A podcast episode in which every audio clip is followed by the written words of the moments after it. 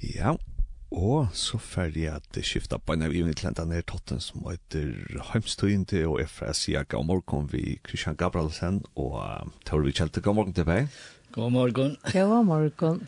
Og Christian, han er dikoner i katolske kyrkene, og den katolske kyrkene i Farion, som heter han heter Marie kyrkene, og han er nydelig pensjoneraver, så han hever gået høy og nydelig løyve. Og Tora Vikjelte, hon er uh, utlært lærare, og arbeider vi skola Trøy Klagsvøk, og hon arbeider tvart i en vikna og i Mekt som forskvinna til dette. Ja. Ja. Og Tora, hon kommer så daglig og i Bethesda i Klagsvøk. Ja, og vi tar nå i vikskiften, vi tror, vi tar hukt etter nøkron kristnon tøyndatænast, som vi kallt dem, Vi da har hukt etter det som heter Utforskingen, til en dansk avis, og vi da har hukt etter Kristelig Dagblad, og vi da har hukt etter Vårt Land, som er en norsk avis, og så har vi hukt etter National Catholic Register. Og tar jeg hvis vi begynner vidt her, um, særst tusen nekrar attervendende iveskrifter, eller evner som har vært i hesten er uh, tøyenda middelen nå om vikskiftet. Kanskje det som er leie først mest til er sjående 11. september. Han fyllte nok så nek, for hvert fall av nøkron, så det var ikke, ikke så jamt allugav.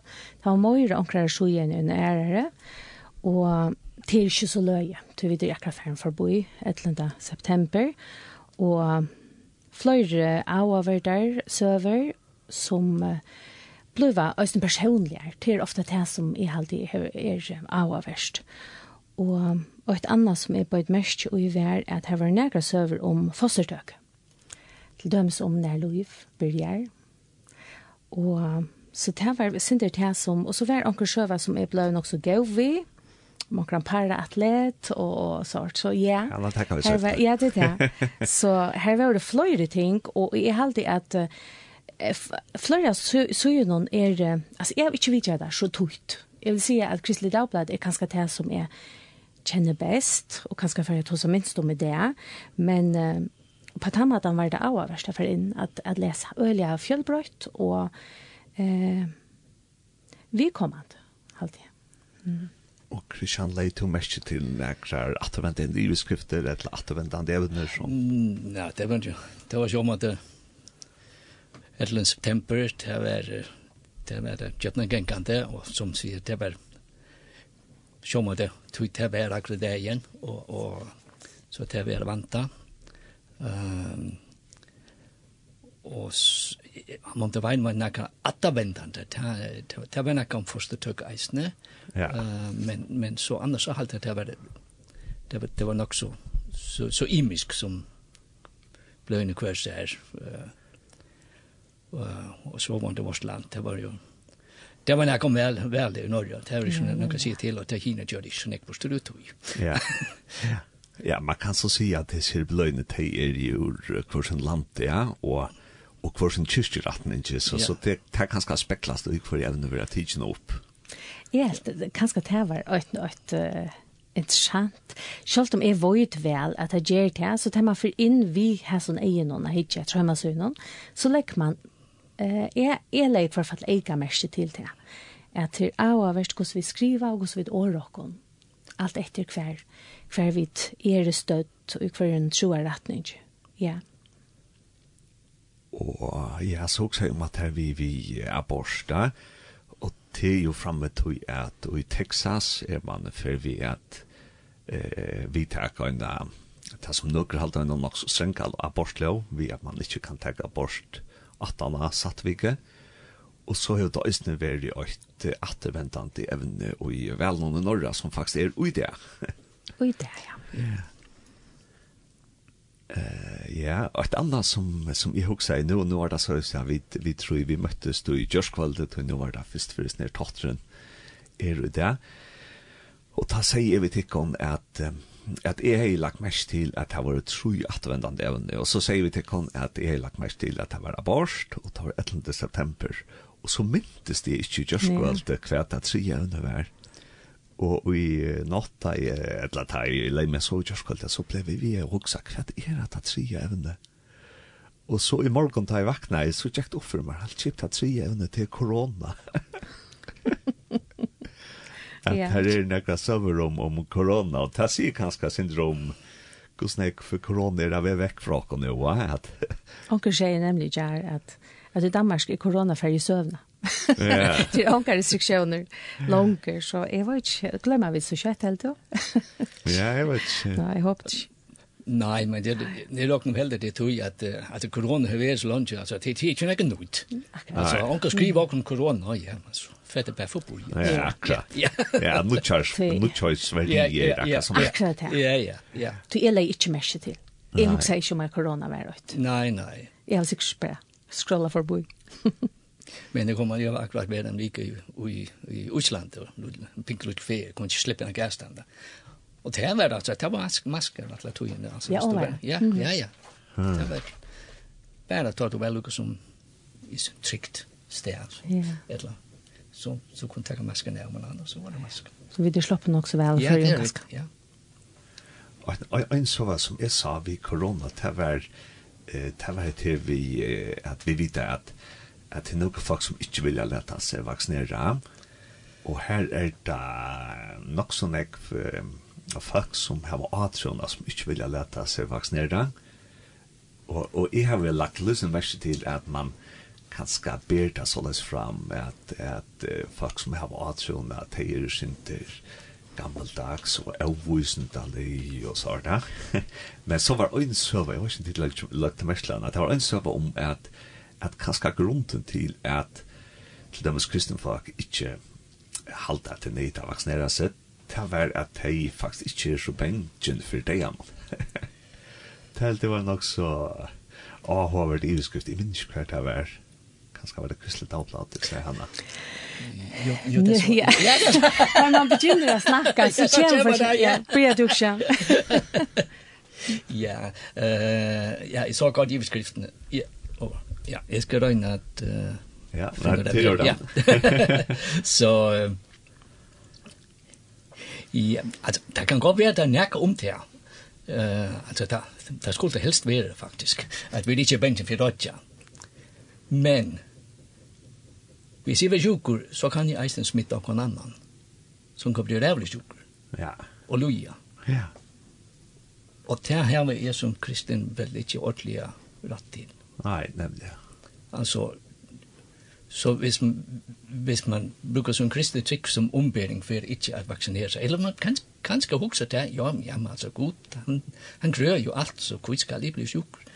Ja. Altså, man skal huske om, ikke om ens homo, men om nesten som det kan räcka och som kanske inte upplever det på samma mått. Jag tog sig till om hälsa så undan. Det var. Det som, det som är för hugg som var det, jag vet inte om det är samma som, som tidigare Lise, men, men det är en kyrka som inte vill fylla till tillmälen under coronatid. Och jag också, alltså, jag blev så irriterad. det må jag säga. Men, men så får jag att huxa. Vi lever i en land här som vi inte har grund till att det är att misstänka de som har arbete vi har øyla gode grunn til at hava anleda tilmelden og tog som vi der tilråd. Og det er kanskje ørvis i øren London. Jeg vet ikke om det spiller inn møvelig at man ikke vil gjenge under til allmenne tilmeldene og hever til dømes samkommer eller, eller kyrkje gongt, selv om tilmeldene er i ørvis.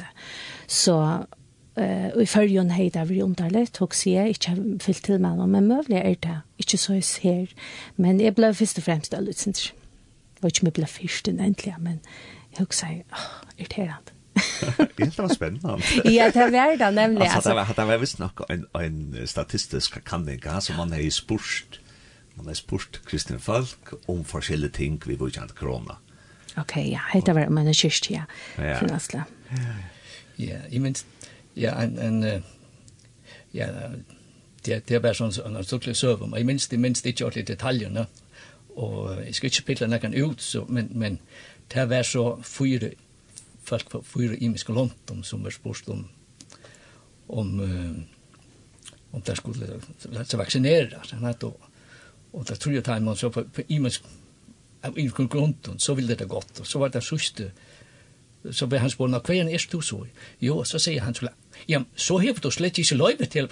Ja, så skal I vaksineres. ja. alltså det det är vad det her, altså,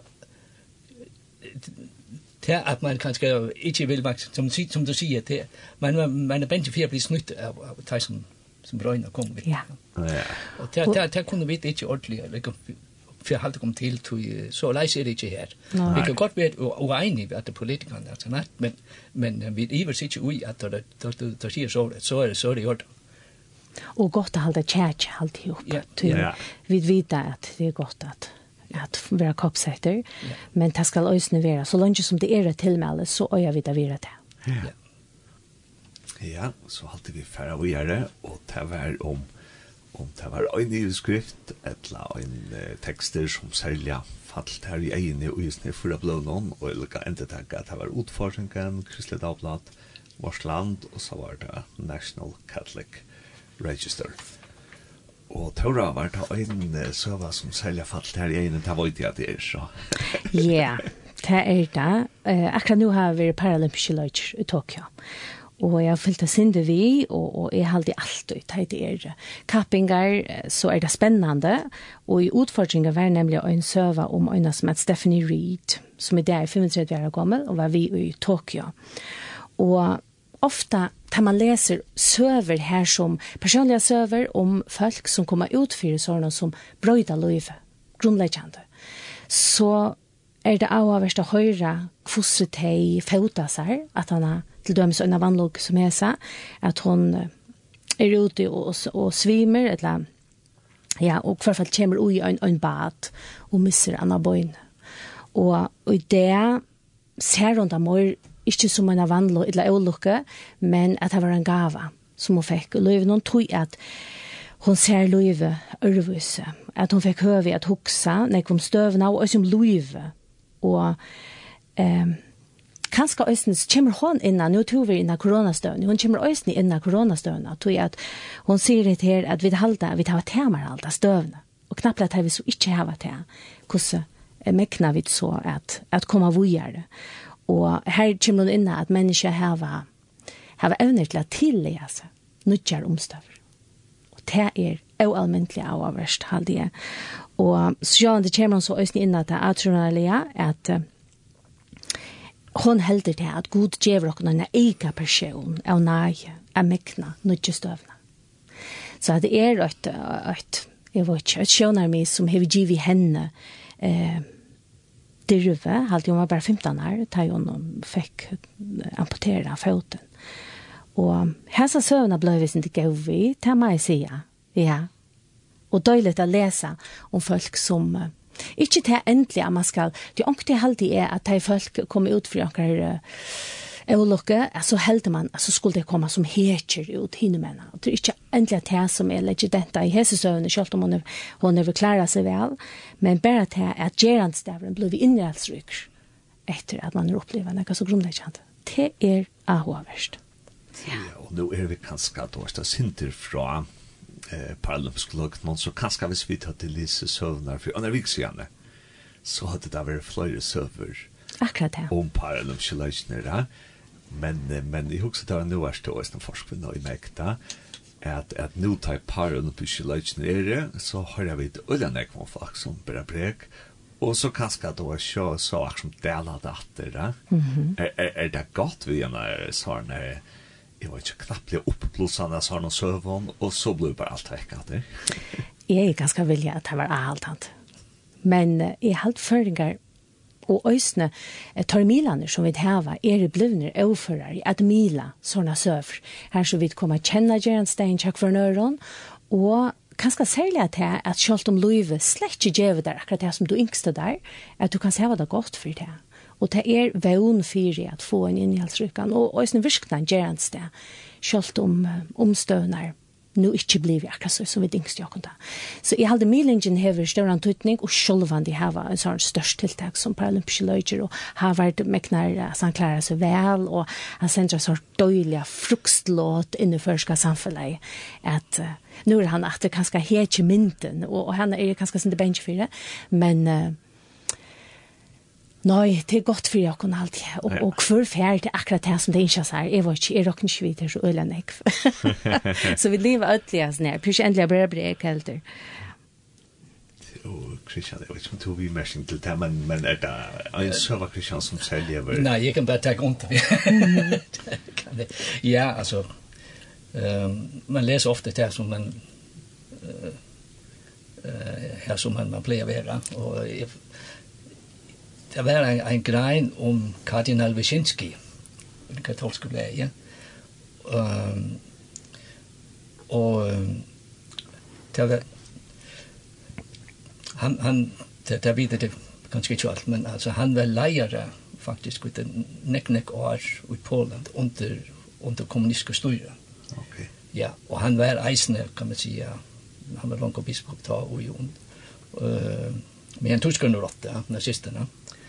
Og da han ble, da han ble leier her, så, så, jeg, så, så husker han der, under nazisten, der miste vi 20 prosent av presten, der var ripen, fra fjernet. Det er ikke, det er ikke veven fram. Altså, vi skulle ikke skapa blåvittne. Tog så døyter vi ødel, og så er det rett så. Ja. Så han sier, nei, Så han väntar vi och säger, nej, vi får ut att styrka folk, ja, som det är. Så att de kunde överleva och styrka det kristna trick så att de kunde leva, så om, så om inte läkarna blir de här banditerna. Så att han så vi är på vi är känning för det. Ja, det är hon så finns ju för men alltså nu har jag på från, från, från, um, Han er vi er ved kan man säga, blivit utnämnd som, som uh, halvtimminne. Halvtimminne? Ja, ja. tui på, på grund av allt det som han har gjort. Jo, um, Christian, nu har vi sagt til Tori at jeg og Tora, vi får att lära mig for jag seg i samrådar. eh, og hvis vi tenker at det er helt basic, Christian. En kardinal, hva er det något här?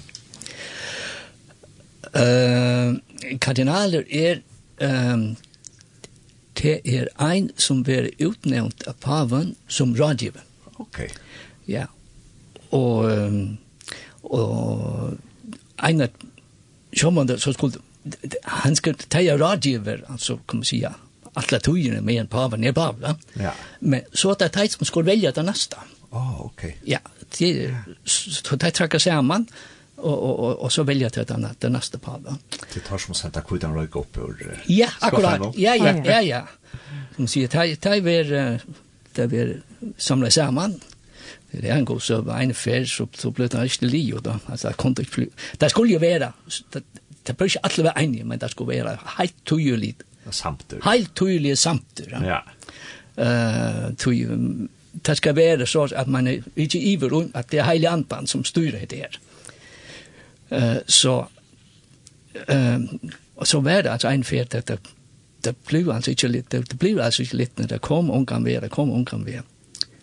Så hilt det pært in der mært inn så var det så helt kjøtt, så var det så så, så, så ble det egen. Jeg sier ikke løyte. Brukeren han taler alltid her. Ja, ja, Jeg pleier nemlig å si, for jeg snerer jo når funnet det hans nær. Jeg er ikke pratika, gleder på skal fortelle meg med. Ja, ja. Men det er så ikke noe vi, vi, vi, vi bispene og gjør det, altså, ta leislene. Det, man kan, man kan tacka en bara man kan välja vad som helst man vill. Akkurat. Ja, ja. ja. Men men hästen här som till så säger han var så östen biskopen. Han ja, att han han han var ärkebiskop det den överste i i Polen. I Polen ja. ja. Och, och så blev det var Louis Eis ut nu kanal. Ja. men det, ja, ja. det det är så det är så en regel eller något som det men det är bara så. Mm. Ja. Det pleier vi så. Tradition. Tradition, ja. Det var, var snedig hvis det ikke var. Skal si på den måten. Hva er det var han gjørst? Og så husker jeg om, om et her, ja, jeg vet ikke om du nekka vi mer sett, at det var et eller om, vi får få hjelta nesten om, om til nekka som har vært i iveskriften og som tidtalt har relevans for jokken i fyrjon. Jeg vet ikke hvor hun har begynt. det skal vi ta till uppe det var det var ett litet tempel ganska och corona og ja da så var noen par lumska löjter ja Skal jeg begynne? ja begynne du bare, nå har du begynne. um, jeg ehm ja eh festa med vi ösnja na Søve, og jeg er i atter i National Catholic Register. Um, vi var i New York og i for en fyra år så igjen, fem år så igjen, og ta stå nemlig en kyrkja, ordinær vi Grand Zero. Og akkurat jeg, jeg ble sendt etter tog ut vi var her, og det er en katolske prester som uh, var til steder her til det hendte 11. september. Og han sier nemlig også at han valgte ikke at hitja hva det hendte, han ville ikke ha det innan nettentene. Og det som han lyser i grøynene er avavert på tammaten at han vil møtter av ræveløykon og veler at hjelpe. Og det er øyla nekft han dagen som, som valgte ikke at renne borster, skjønt som jeg har finnet på om det, men uh, han sa òsne at, at uh, ganska ringt att, att uttrycka att han inte själv har upplevt något så rävligt, men han ville vara vi att, att gröjningen börjar i början av vi. Vi hjälpene som man kan ge av höjmon som är inne i Att uh, man ser att här börjar vara gröt, vi tar samma. Och han valde så affärer till Arbojus utanför kyrkjevägnar. Og han sier så er det etter åringene som er imeskere, at salva, til særdo, eller till dödkjande, trøsta de som græta og gjeva tøymon som fører inn i bygningen hjelp. Og synda fyrir gjeving, sier han, og eh, tar han så øysene henda mynden som han ser at det kommer nega ur bygningen så er det en rikva av bare rocknjærskon og papuron, ja. ja. Men så alt som man fesser vi versa mynden her, familiemynden her.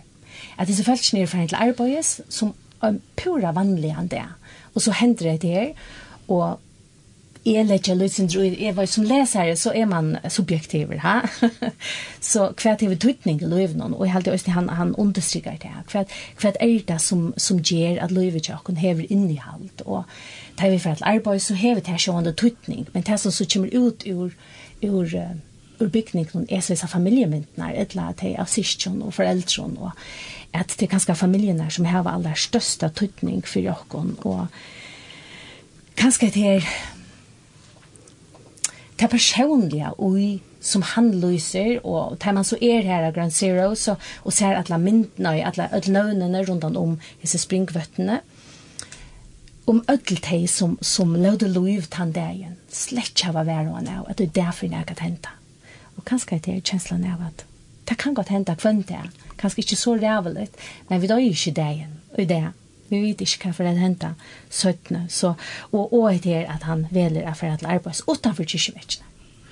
Vækst, igjen. Og ta oss her, Tore, at, at hvis vi tror at det er lysen rett seg som du sier at jeg Sjalt om vi er i fyrjon, så kunne vi også hjelpe. Vi kunne hjelpa til London som har vært hardt i korona. Vi kunne hjelpe hjelper her på ute i hjemme hvis det er bruk for det. Jeg husker nemlig akkurat andre myndene av for at arbeids utenfor samkommet til kyrkjevetsjene. Ah, ok, ja, og det er uiført, ja. Jeg kan skal ta, altså, vi først bliva, bliva det kanskje nok så behagelig å sitte inne. at vi tenker kanskje etter til dere, at, at vi kunne få her utan, altså, vi har ikke som en nøye for Men det har vi da lykkevel. Vi vet om flere føringer som ikke har det godt. Og selv om vi lever i en gøy velferdssamfunn som har flere lever og sånne tjenester, og voidingar som er gode for okkur, så mest det er ikke at, at geranstavren er så nek bedre hvis vi er øynsom til dømes, etla kjenner at løyvi ikke er nekra møyning. Så alt det som er grunnleggjande menneskjastlitt kunne vi tega til okkur.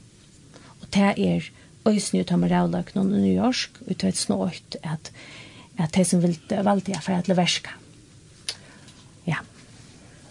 Kan jeg også til Kristian Atna til å høre det var overmyndelig godt. Hooks också to att det er också som to Lise som kom til till som specklas locken i förrjun. Så om vi tar Lise om søver över åttan röjme.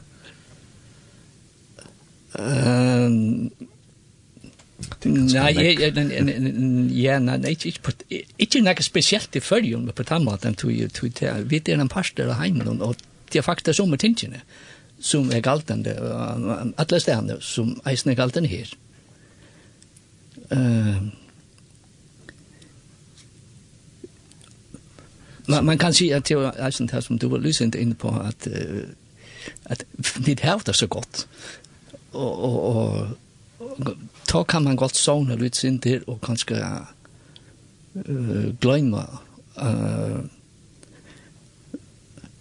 glemme at det kommer ikke bare så at det er en sting, no? at det, det vi må eisne gjøre noe så for at uh, det skal komme noe på studio Og uh, er det stedende, så er det så åpenlyst at det er helt galt, ja. at det, det, det, det må, det må også gjøres. No? så ofta gör det förtjänst. Men och och, och det kunde vi så finnas det här. Men men uh, hvis vi inte gör något här så ändrar det lugga gärligt jag. Ja, det var kanskje lite så harsh sagt men. ja. så men altså, grunnleggende, så så så så helt det er at så er vi den parste av av av heimen nå, altså. Så noen de pink luckel och ungstärna. Vi er parste av tog, og, og, og vi kunne ikke bare si at det er det. Ja, det er helt skutt ver. Ja, ja. Så vi tar passa heim og parsa heim og parsa heim og altså. Ja. Det er ikke 400 år så igjen til vi bor her, og så vet vi bare. Så kjente vi don't, ja, så, ja. Det var grunn til drap, med det og så var det, så. Ja. Og det er det jo nemlig om, om det gode livet døyver dere, som mennesker. Akkurat. At, uh, så så kanske det vi att att, hit ju är här blöjnes så som vi tar ihåg att det ger upp my shoulders här hur vi tar det för John och ska vi ta det? Men så. Ja. Ja. Till ja, och så det så läs att kristligt Dagblad, te jag som stod nok om till den där totten, och te har så sälet till på till och där lustar lortarar vi eh vi vi är snart nå og og ta til på kom till läsa hvis det för linden.fo og vi tar så særlig hukt og i heter blei existerar av plat och vi tar særlig hukt og i et av hvit vit tar så Christian vi særlig hukt og i et blei som kommer ut eh, lejardagen Kristian og Og det som var fremst her, altså i det Kristelig Dagbladet det var så om om 11 september ja. Ja,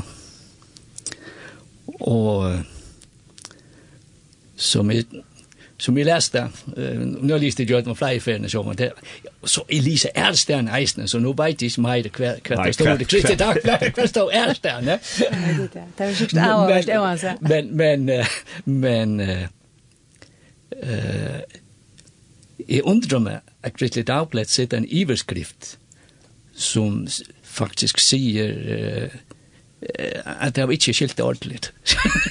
Hever du iverskriften her? Eh, verden lever i ruiner fra den 11. september, var det han iverskriften? Ja, akkurat. Ja. Det passer ikke. Nei. Vesterheimen er jo ruiner. Akkurat. Ja. Resten av verden, det lever vi akkurat som det var den. Ja. Det er ikke avviskende. Ja. Så man allt allt allt bröjdes där och och vi vi vi tog in det så här men men alltså 11. september var et sjokk for Vesterheimen, ikke for resten av verden. Det var haft ivergenke og, og krutsk og frier, alle samlet jo inne, og det fortsetter bare som vanlig.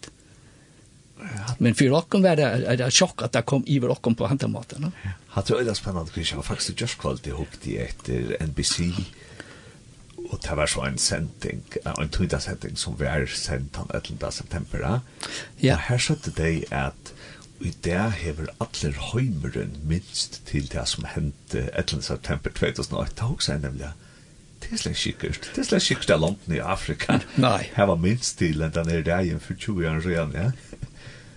Nei. Nei. Og jeg går rundt den. Ja. Du sier til han, ja, men, ja, ja, hvor skulle de huske om tikkun? De huske ikke om akkurat det hendte helt tjokken. Ja. Ja. Når var det i Europa, minst til det? Ja kan man bråda in? Ja, Robi, ja. Ja, ja, ja. Akkurat det. Det hugs nämligen bara lyckan ta totten är då förstår jag att det som händer när och om avskar och. Ja. Vi tar var vant och om att pastar i hemmen leva i nej och eländighet. Ja. Och det ser och inte. Det är samma.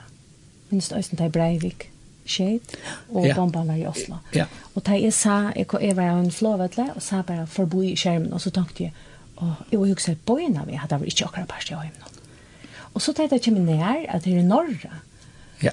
Så ble det akkurat kvæt skjer. Ja, ja. Så, så hadde er det vi tok seg. jo, men sånn her. Ja, ja. Mm -hmm. ja. Nei, nei, nei, tvert imot, tvert imot, det er bare godt. Ja. Jeg er introvert, så jeg har brukt for det få när det får jag snacka lite. Ja, få få få igång då. så Nei, uh, nettopp med uh, det her World Trade Center. Jeg var her i Åttfors. Helt oppe i toppen og hoppet ut. Jeg så faktisk små flåfer flikker framme i. Ja. Og jeg var hørst ære som eisende ved her og uttrykt på samme. Altså, han har ondt fornemmelse. Det kunne være den dagen til jeg var her. Og det som du sier, ta det hjemme nær, så blir det betøyende. Ja.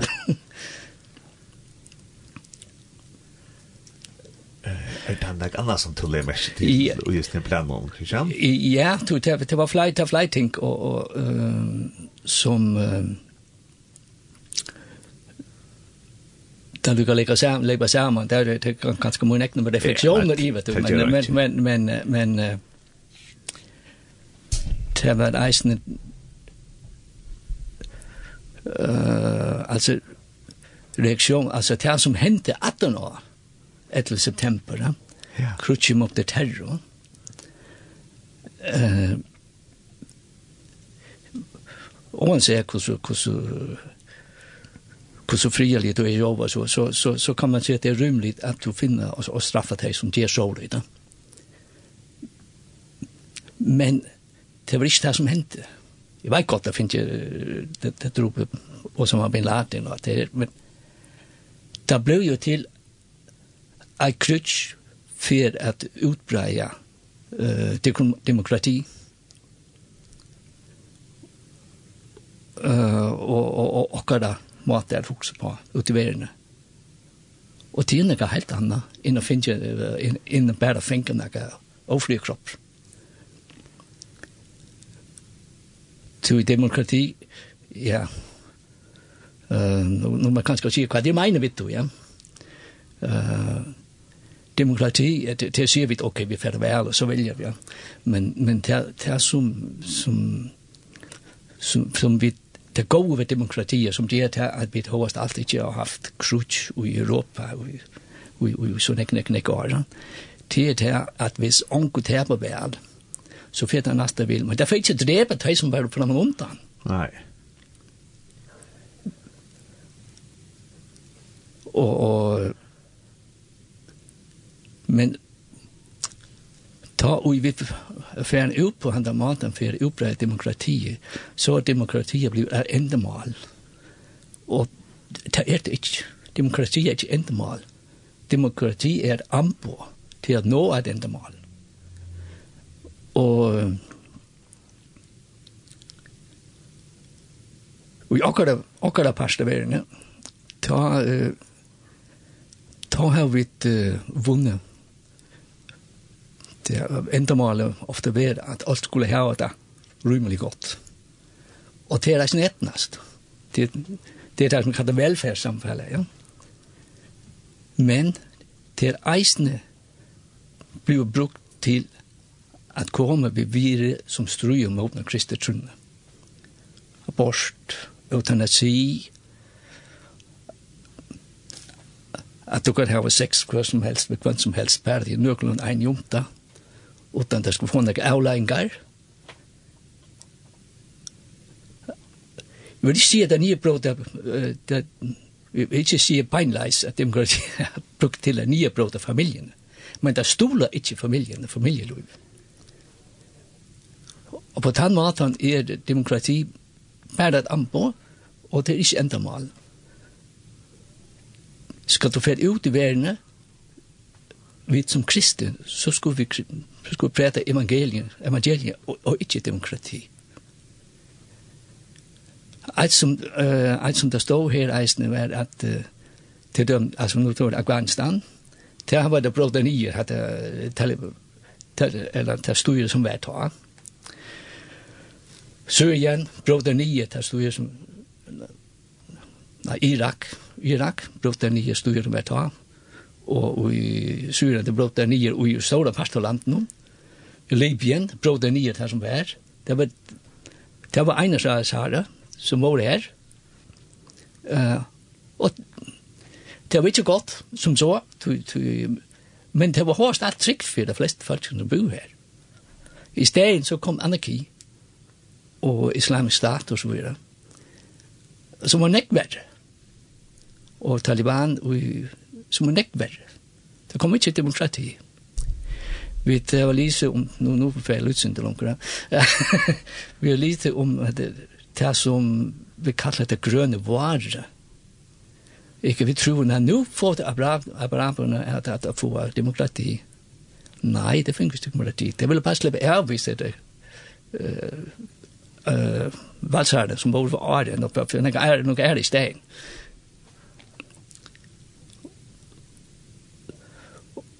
Og alt det her, det er nekka som ligger som nu at vi minnes det etter september, så kommer alt det opp. Akkurat. Ja. Men det røkker lengt langt atter. Ja. Oi, det er spennende, Christian. Ja. Det er så spennende, va? Ja. Øyelig, ja. Og det er også mye kommende, at akkurat dette som du husker, eller som du nevnte, at okkara mat er at hugsa på. Til ja. øyelig, vi, vi hugsa at de skulle få det som vi tar det. Men det er mat matere har det godt på. Og jeg sier ikke, altså, vi tar det avbjøringer i akkurat samfunnet som, som er øyelig tunger og, og og så da jeg leser bøtjen om Malala ja. hon, hon heiter godt hon slapp ikke en skola ja. og slapp at, at livet i synen omkvarve som en frals jenta og det var ikke tog at jeg akkurat har levd så som vidlivet Men hon har ju gott liv som var nöktande för henne. Men så bröjdes det allt.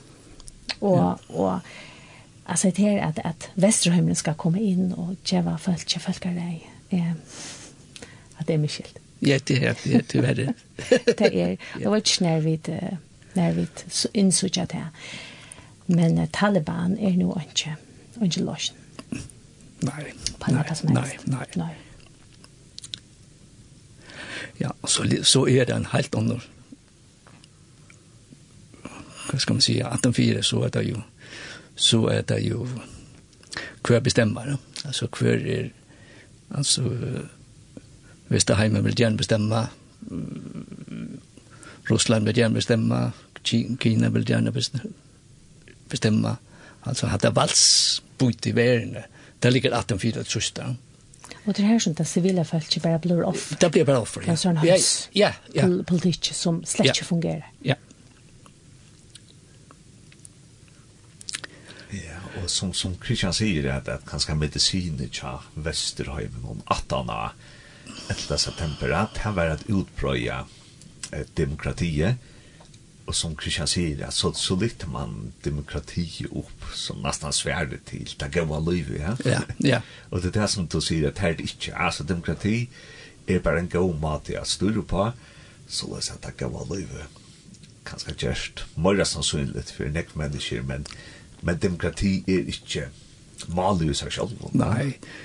Men sån Churchill han sier, jeg vet ikke om jag ska säga det ordet men han sier näka så leis, Uh, demokrati er ikke godt. Men det er det beste som vi har. Akkurat.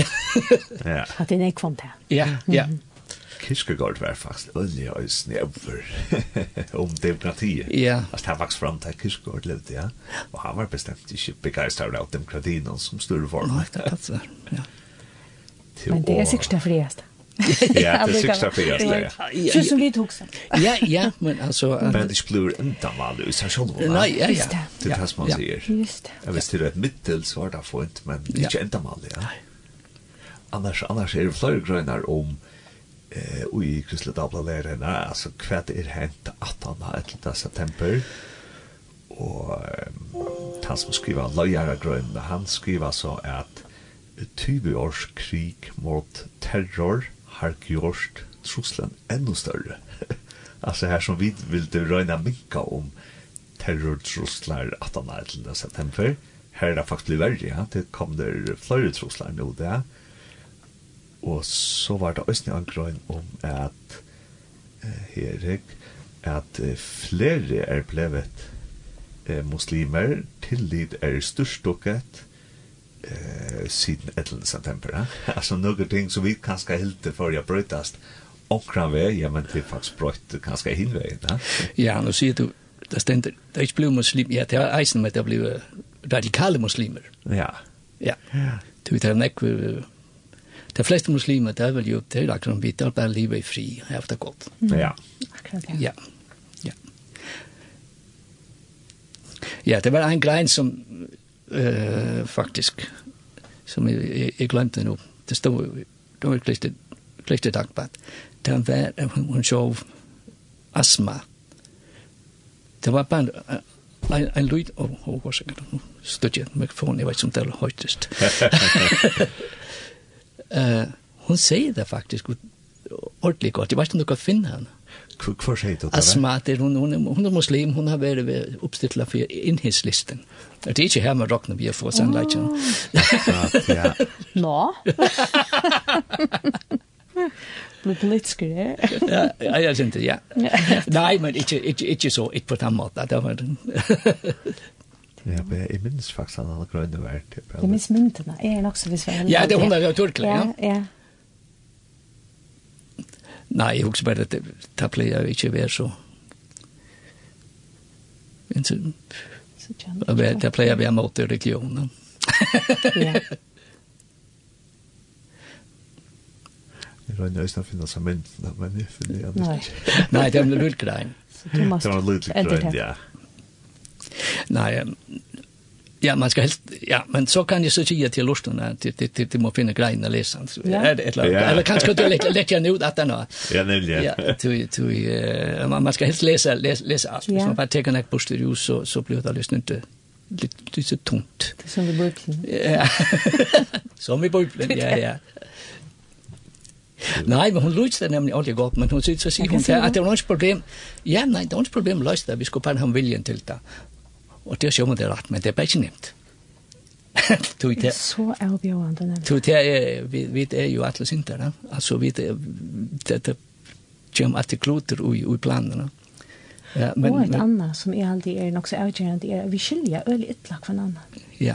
Da vi har en hatt at hokse på, så då har vi ytla, jeg ser dere inn i hvordan ånder hokse, og at det er leie at de hokse så. Og tog ja, er ja. ikke nær menneska for at finne det av at akkurat onka tog er en løsn og på nega som helst. Men det har vi åpenbart ikke funnet det av enn. Nei. Og et annet som er så østens av kjørskvalde, nå tar vi det inn vi etter dessa oh. tempera, jeg sa Sky News kjørskvalde, og her her fører det for første fer og Sky News inn og i et sort torstor og avhøringar fangsel i Kabul. Altså til det fangsel som amerikanerne hadde, ja? Ja. Og for det første fer kom så en rapport der inne her, tog jeg nå har amerikanerne forlatt det her fangselet tar ferdig til Amerika. Men det var bestemt ikke en vøkerkjølen, altså det var, her var avhøringar anpå og og det sa fruttelig ut, og her var ikke vinter, og det var skite, og her var ikke ves nok til tar som her var sitt her. Mm och ta också på rätter at at det var at at att vi ville bekämpa näka som vi talte av det var lite väst right on så færer vi det inn og i Kapol og det som vi så sjølve gjør hvis vi blir sagt och sammen med amerikanerne där alltså det är bestämt ikke pent alltså nej det er det som Kritsch gjør vi också ja. Ja. Ja vi færer faktisk det samma bad ja. Ja ja. rævlet. Ja. Ja. Ja, jeg kom, ja, nei, du sier, nå ser det her med altså det er flere muslimer og det er ikke muslimer hjemme, men det är bara för några få et hem som er radikale, ne? Akkurat. Uh, det det var en annan grej. Vi får förstod om grejen då da vi började har jeg glemt alt om det men nå, nå kommer det. Det var en som skulle undervise i Island, no? jeg minns det ikke hvert, om det var universitetet eller det var lærerskola, de i minst i ja Men da fikk han ikke lærebok. Og hvert var det forsøgene? 11. september. Mm. Hvordan kan man undervise islam? Til alt det gode som er i islam. Va? Islam, som det er, ja, islam, ja. Islam, ja. Ui, ui. Uh, hvordan skal man få en, en avbalanseret mitt om man begynne vi hadde vinteren og forsøgene? Ja, ja Man kan helt ikke bedre ved Mohammed-tekning, altså ved pumpen og i tuppen. Det kan man ikke gjøre. Nei. Til en pastor av tog, men man kan ikke bedre her. Da. Ja, ja. Det Var... Så, så, er, så er man langt ut av Suisborg. Og fordom, og fordommer. Det var vi nok en grønn og kristelig tablet om at man vil hava mer undervisning i Danmark om islamar. Ja. Og det som du så sier er, Ja, vi kunde ha bara undervisning om Island, men men hur ser det så i framställda då? Och där vi börjar vi att att appermen det här är ett september. Ja, ja. Så är det långa en farva. Ja. Version som vi ger av Island till det danska fackskolan. Ja, ja, ja. Det synes jeg vi tog seg da. Ja, det ja, det var en av ting nemlig som as man nämnde här, alltså att den var, så var alla muslimer knappliga terrorister. Det var nemlig også en grønn om det. Ja. Ja. Guds og løyve tja til dømes muslimer i New York. Jag blev ju rally av jag att han så det. Ja. Ja. Og så faktisk Heimren 18 september han vil bukta opp i vitotid, ja. Ja. Det er alltid godt å ha man en fin onkel som man kan ge skylten. Ja, det är det. Ja. Till jag är för takk at jeg kom jag for at jeg jag kom her. Ja, det er et Det är bara helt väl. Nu är det visst fel og vi ska ju ha det här sånn finna stev i såret, men det er alltid att ta ett näst väl. Så jeg det. Vi får høre meg til å lese på. Vi läser på, ja. Ja, ja, nu finns det. Vi blåster. Tack att du kan för det. Og och inte att det kommer en gåa mamma där resten av vittne. Ja, takk for det. Stomlejs. Og jeg får så å spille et län nu.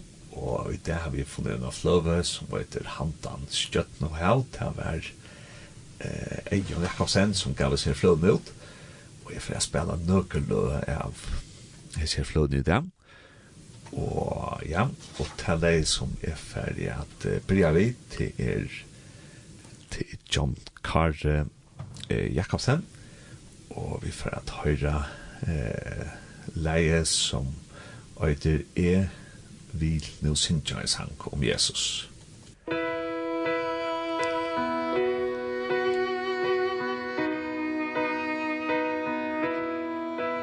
vil jo synja en sang om Jesus som varte fralse og glede mer.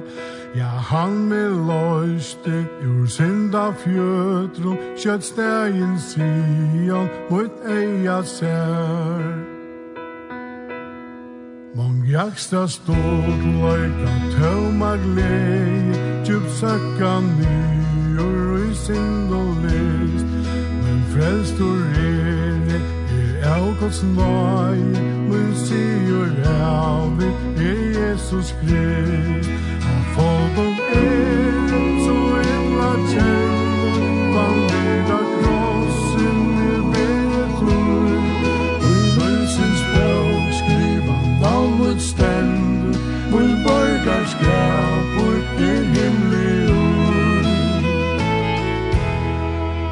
Hinsa glidran rujtje døm Og mell og benga mammos ved.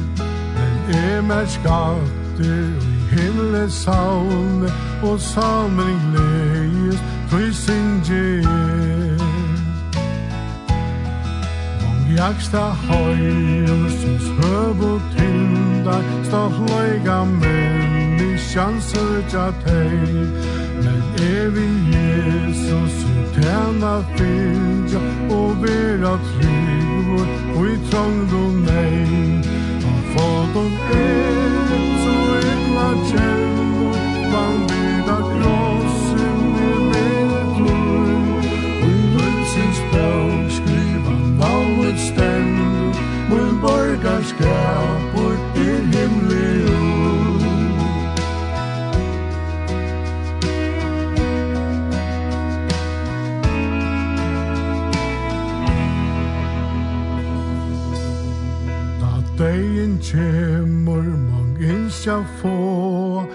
etter med alle av her.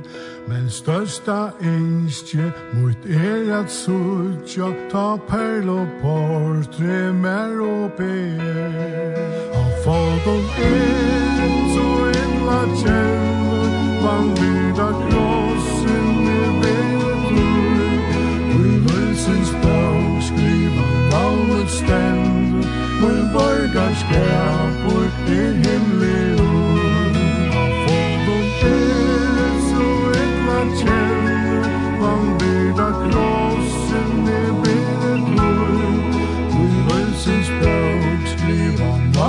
stend Mun borgarskap og den himli